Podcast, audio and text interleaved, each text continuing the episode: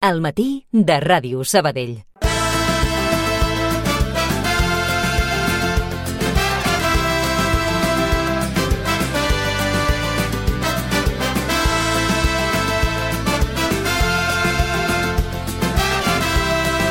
I un dimecres més el que volem fer és demostrar que un altre món és possible.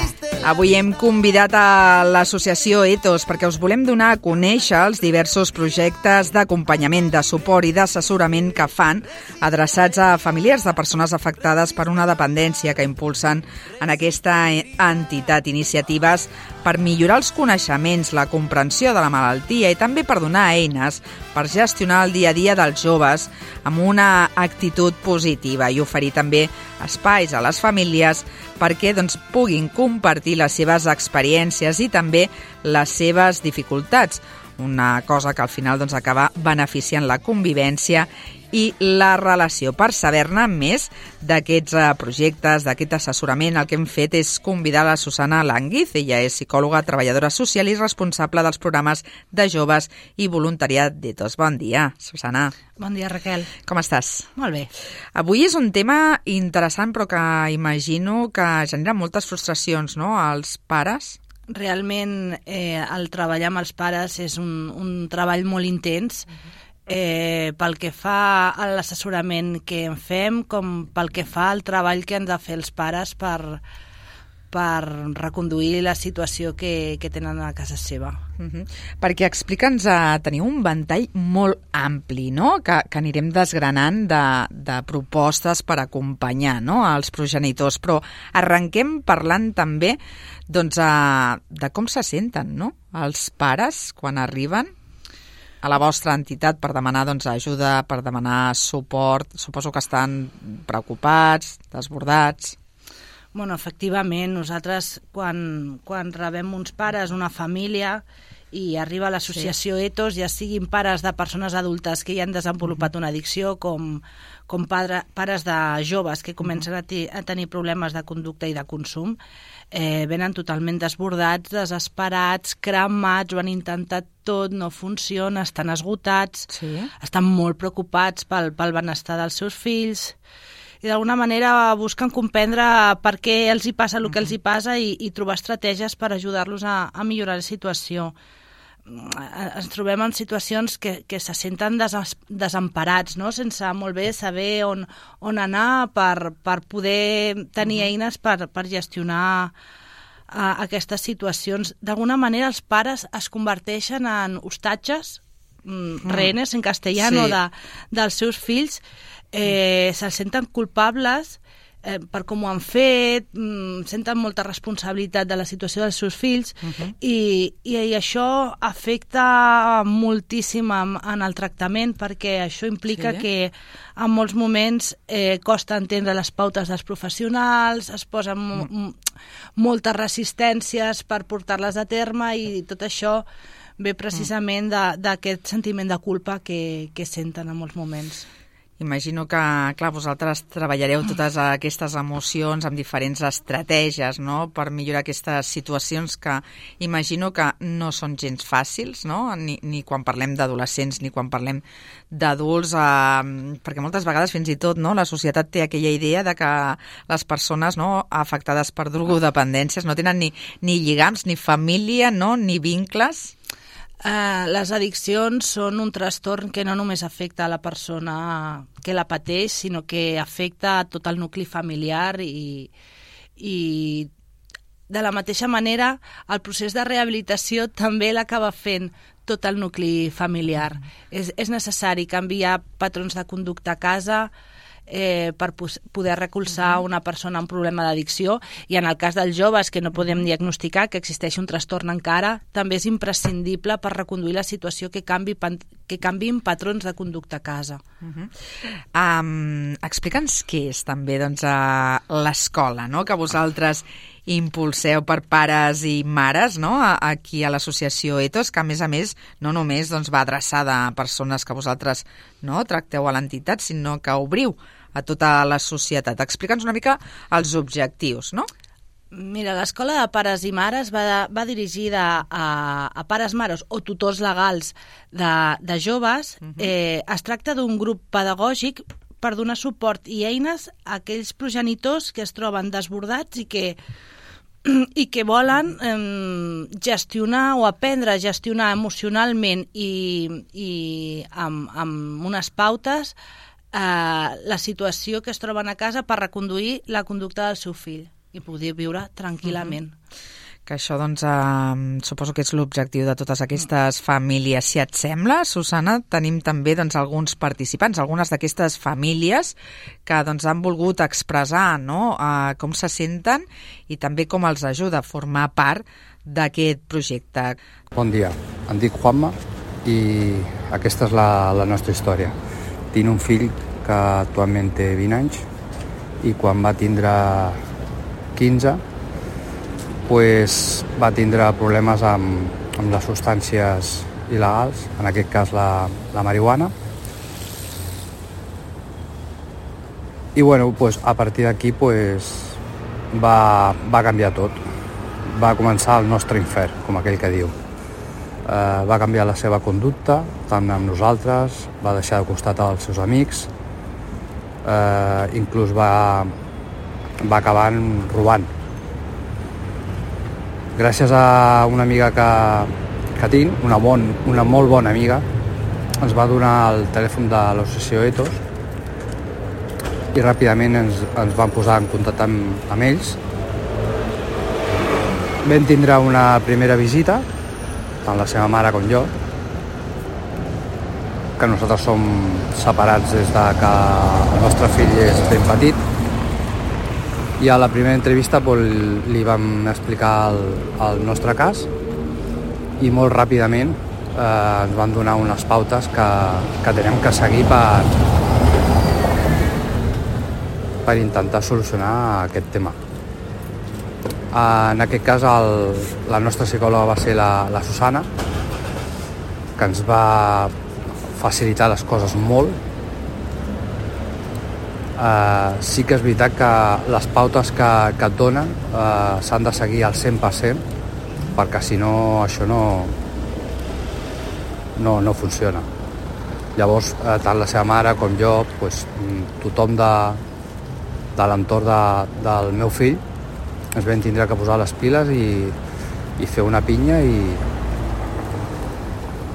i tirar endavant. Va ser un, un any en total d'entrevistes, de, de posar límits, d'anar tots a una, però bueno, al final pues, li van donar l'alta i va deixar pues, enrere tot aquest infern. Actualment el meu fill va, bueno, va acabar els seus estudis d'electromecànica i actualment eh, s'està preparant per, per ser policia. Eh, ja ha provat les, les físiques, el teòric, i si tot va bé, doncs, el dia de demà serà un futur policia, si canvien les coses. Pues res, aquesta aquesta és la nostra història. Gràcies, Etos. I moltes gràcies no? per compartir la seva història. Um, després parlarem dels beneficis, Susana, però és fàcil també doncs, a, acompanyar que les famílies facin cas, no? com ella explicava, a les pautes. Quins obstacles us trobeu? Perquè, com deia, eh, suposo que l'objectiu per, perquè sigui un èxit, per veure doncs, el progrés no? que ha tingut el seu fill, és, és això, doncs, eh, que totes les parts implicades no? treballin com si fossin doncs, això, un equip no? I, que, i que se segueixin totes les rutines, tots els canvis no? d'hàbits, però suposo que no sempre és fàcil, que us trobeu amb dificultats. Sí, sí, realment no és gens fàcil. Eh, partim de la base que són famílies molt esgotades ja i que, mm, a més a més, eh, portar a terme les pautes eh, no vol dir que tot sigui tranquil. Vull dir, quan nosaltres sentim molta incomprensió com a sí. professionals perquè sí que hi ha una tendència eh, cap a focalitzar cap a nosaltres, no? quan, quan als joves els hi poses un límit i estan uh -huh. inconformes i tenen la rebequeria de l'adolescent, no?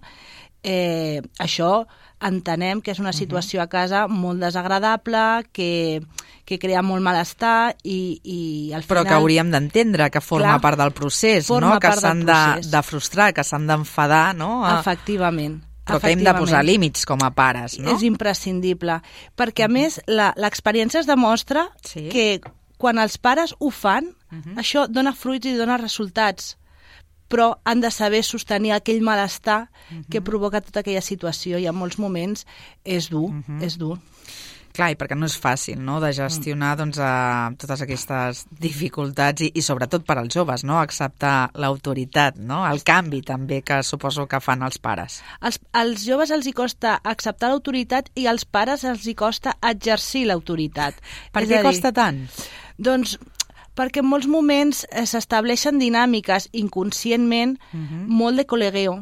És molt més fàcil així, però això té conseqüències en el futur. Clar, quan parlem sí. de l'adolescència, quan parlem de que són nanos eh, que estan fent un ús i un abús eh, de cannabis, que és la droga que més impossibilita la maduració del jove, en el moment en què tu li vas a posar un límit, eh, pues passa això, no? Aquesta rebequeria sí. que la podíem assimilar quan un nen té dos anys i li comences a posar límits, no? No tenen capacitat de frustració. Totalment. Um, què hem de fer per, doncs, això, per assegurar aquestes pautes perquè els canvis siguin estables?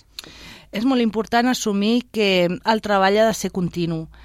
Eh, ens passa també i forma part de, de les característiques dels humans, no? que pues, venim de treballar, després ens hem d'enfrontar amb les dificultats amb el, amb el jove. Eh, no pot ser una excusa, estic cansat. I és veritat, és dur. Això, això és molt dur. Però es necessiten que hi hagi una constància, que hi hagi una coherència en la forma de funcionar en el dia a dia.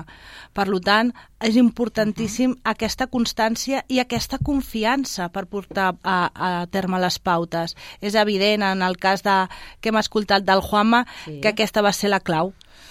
Totalment. Doncs ara, després de sentir l'experiència del Juanma, ara també donem veu a la Maite, una altra mare també, que ens explica el seu testimoni, com la família no? també va formar part d'aquest programa i com els ha ajudat també a fins i tot canviar la seva actitud. Hola, soy Maite, tengo 51 años y soy madre de dos hijos adolescentes, uno de 17 y otro de 19 años.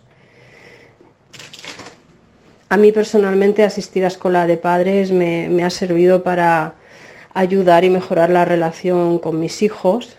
Eh, asistir a ella me nutre mucho de las experiencias de otros padres y me ayuda a gestionar y tener herramientas en el día a día para reconducir y evitar eh, conductas de riesgo para ellos, con el acompañamiento y asesoramiento continuo de- del equipo de ETOS. Como madre de adolescente tengo muchísimas dificultades a la hora de saber entender esta etapa, gestionar ciertas conductas y confrontaciones, eh, reconducirlas desde escuela de paras te, te sientes guiado con, profesionales y aprendes a dónde poner los límites, que en mi caso es lo que más me cuesta, límites sanos para nuestros hijos, cómo ayudarlos desde la autoridad o desde el autoritarismo, cómo acompañarlos, cómo posicionarnos eh, desde la empatía y el amor que les tenemos, acompañándoles, bueno, en esta etapa tan complicada tanto para ellos como para nosotros como padres. Es un privilegio eh, contar con este recurso tan valioso como es la escuela de paras, donde no sabes cómo actuar la mayoría de confrontaciones con nuestros hijos y es un crecimiento a nivel familiar y personal muy grande.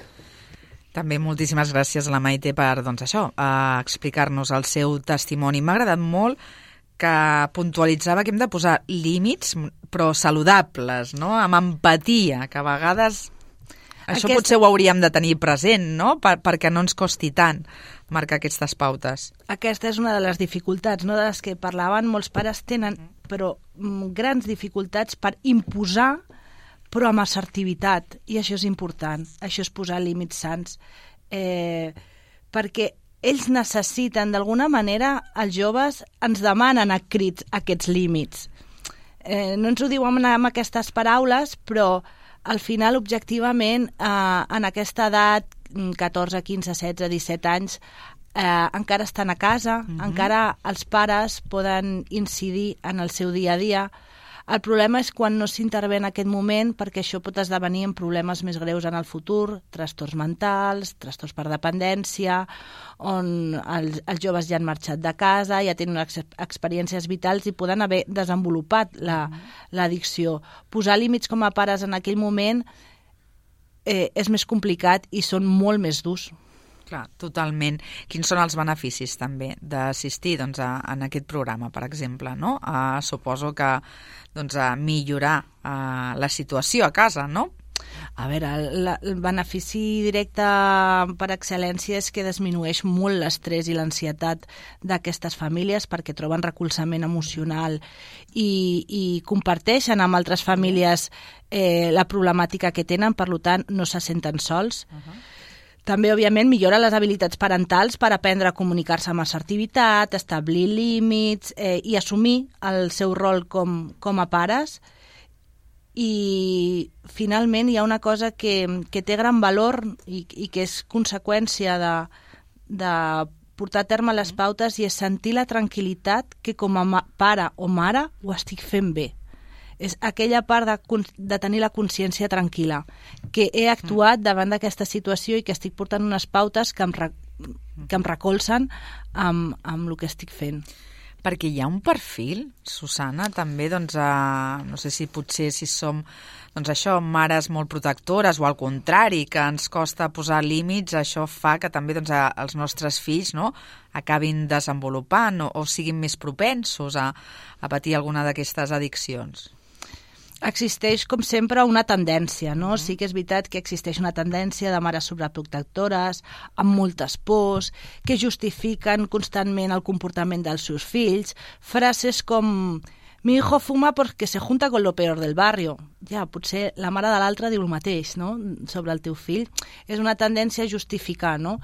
També és veritat que ens trobem molts pares o mares, eh?, eh, que són col·legues i que, per tant, no saben exercir aquesta part d'autoritat i que els hi costa sí. també tenir autocontrol de cara a, a, a comunicar-se amb ells, no? És a dir, hi arriba un moment que a casa hi ha crits, hi ha retrets, hi ha insults propis de, de la desesperació, no? Clar, perquè acabes normalitzant, no?, algunes situacions, Clar. no?, que no ho són, evidentment o, o ens hem trobat, poso exemples, no? situacions que, que tenen un fill adolescent que es consumeix cannabis uh -huh. i et diuen, no, és que ell té una paga, tot i que sé que se la gasta en consum, però és que si no li dona una paga robarà. Ja, bueno, pues, mm, això no és molt coherent, no? És a dir, si li podem posar uns límits perquè no consumeixi, però al final uh -huh. li estic donant diners perquè consumeixi, perquè no es posi al lius, potser evitar aquests lius no és el més adient, no?, per, en aquell moment. Potser ha de ser el moment en què tingui problemes. Uh -huh.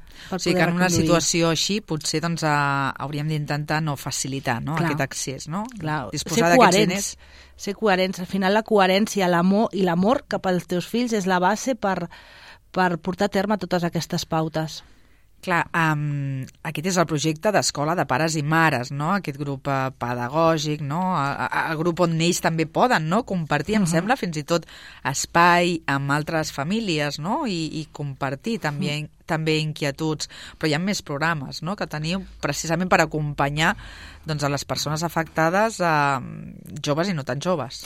També eh, hi ha una altra línia de treball amb, amb les famílies que és, va més dirigida a famílies de, de persones en tractament o que no estiguin en el tractament a etos, eh, també s'obre sí. per persones adultes que ja pateixen una addicció doncs, perquè els seus pares i mares puguin venir a un grup de suport, d'acompanyament, d'ajuda mútua de pares i tenim també una escola de parelles perquè creiem que és imprescindible que aquelles persones que comencen a fer un tractament i que estan en parella, és imprescindible que la parella faci l'evolució a nivell de creixement personal al costat de, del seu marit. Dic marit perquè normalment hi ha més proporció d'homes fent tractament i, per tant, més proporció de dones en el grup de parelles. Però cada cop més hi ha més homes al grup de, de parelles i, i és, mm, és que imprescindible perquè funcioni la parella, uh -huh. si la persona addicta rehabilita, si ella no ha fet un canvi personal profund,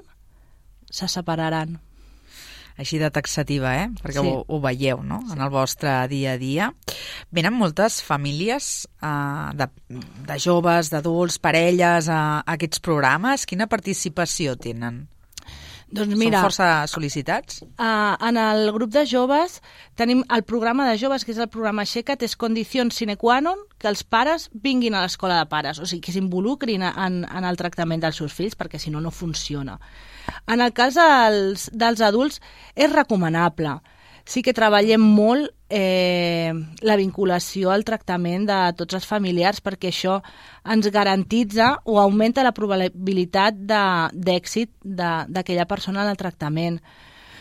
Eh, actualment, a grup de pares d'adults tenim una mitjana de 35 persones. Vull dir, hem de dividir el grup moltes vegades i ho fem amb, amb tota la intenció, dividim el grup i els pares un pare, un progenitor, sí. es queda en un grup i l'altre progenitor se'n va a un altre perquè tots dos tinguin espai, espai per poder expressar i no se sentin condicionats per la presència de l'altre. I en el cas de les parelles estem tenint una mitjana de 25 parelles cada mes que venen a, al seu grup.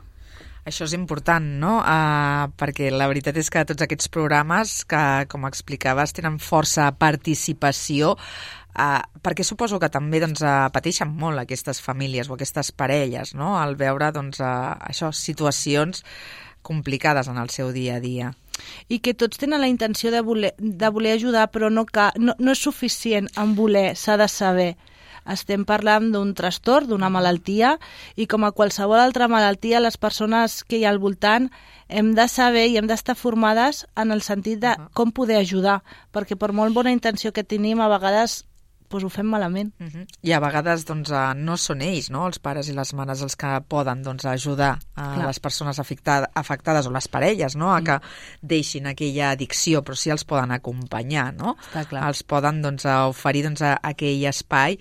Uh, en aquest sentit, donem també missatges no? positius uh, com els que doncs, avui sentíem, no? que, que també es pot ajudar, que l'escenari no? pot, pot canviar, que si treballem amb aquestes pautes, no?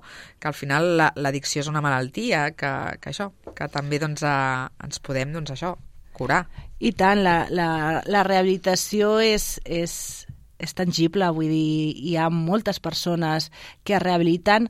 Uh, el problema de tot això és que és molt evident aquelles persones que estan malament, però aquelles persones que després està bé, socialment no, no és visible, perquè al final són, són part de la societat que tenen la seva feina, tenen la seva família i no és evident, però la rehabilitació és possible. Uh -huh. També m'imagino que també tracteu no? les recaigudes amb les famílies. Sí, òbviament, al final formen part del procés i les famílies estan durant tot el procés. Inclús, un cop acabat el programa d'alta exigència, potenciem molt que les famílies no es desvinculin i continuïn allà al costat. Per acabar, Susana, dona'ns uh, tres o quatre pautes, no? Uh, recapitulant una mica per la gent, per les famílies que ens escolten i vulguin també, doncs, això, participar en, en alguns d'aquests programes. Tres o quatre ítems que hauríem de tenir clars, no? Suposo que el primer, doncs, això, acceptar el problema, no? No negar aquella situació o minimitzar, no? El consum seria una de les claus. Eh, el primer és, és aquest, crec que és molt, molt adient, eh, Raquel, perquè si mirem cap, cap a una altra banda no solucionem el problema, sinó que el problema es fa més gran. Per una altra banda, crec que és importantíssim entendre que hem d'aprendre tots a la societat, però sí? sobretot els joves, a que la frustració forma part de la vida i hem de tenir capacitat d'acceptar que no totes les coses ens surten sempre com volem. Mira, i també les famílies que no Està són clar, perfectes, no? està que clar. ningú és perfecte, no? Que a vegades pensem que això, que, que no acabarem fallant, no? Com a pares o com a germans, o... i a vegades, doncs, eh, hi han caigudes. i entendre que una addicció no és un vici, que ningú busca estar malalt amb, amb qualsevol malaltia, per tant, amb aquest trastorn tampoc es busca. Doncs uh, busqueu, busqueu assessorament, ajuda amb tots aquests programes, comenceu doncs, a no sentir-vos culpables, sinó a ocupa- ocupar-vos d'aquella situació que teniu a casa per intentar doncs, trobar les eines i les pautes necessàries. Susana, moltíssimes gràcies per la tasca diària. Gràcies a tu, Raquel.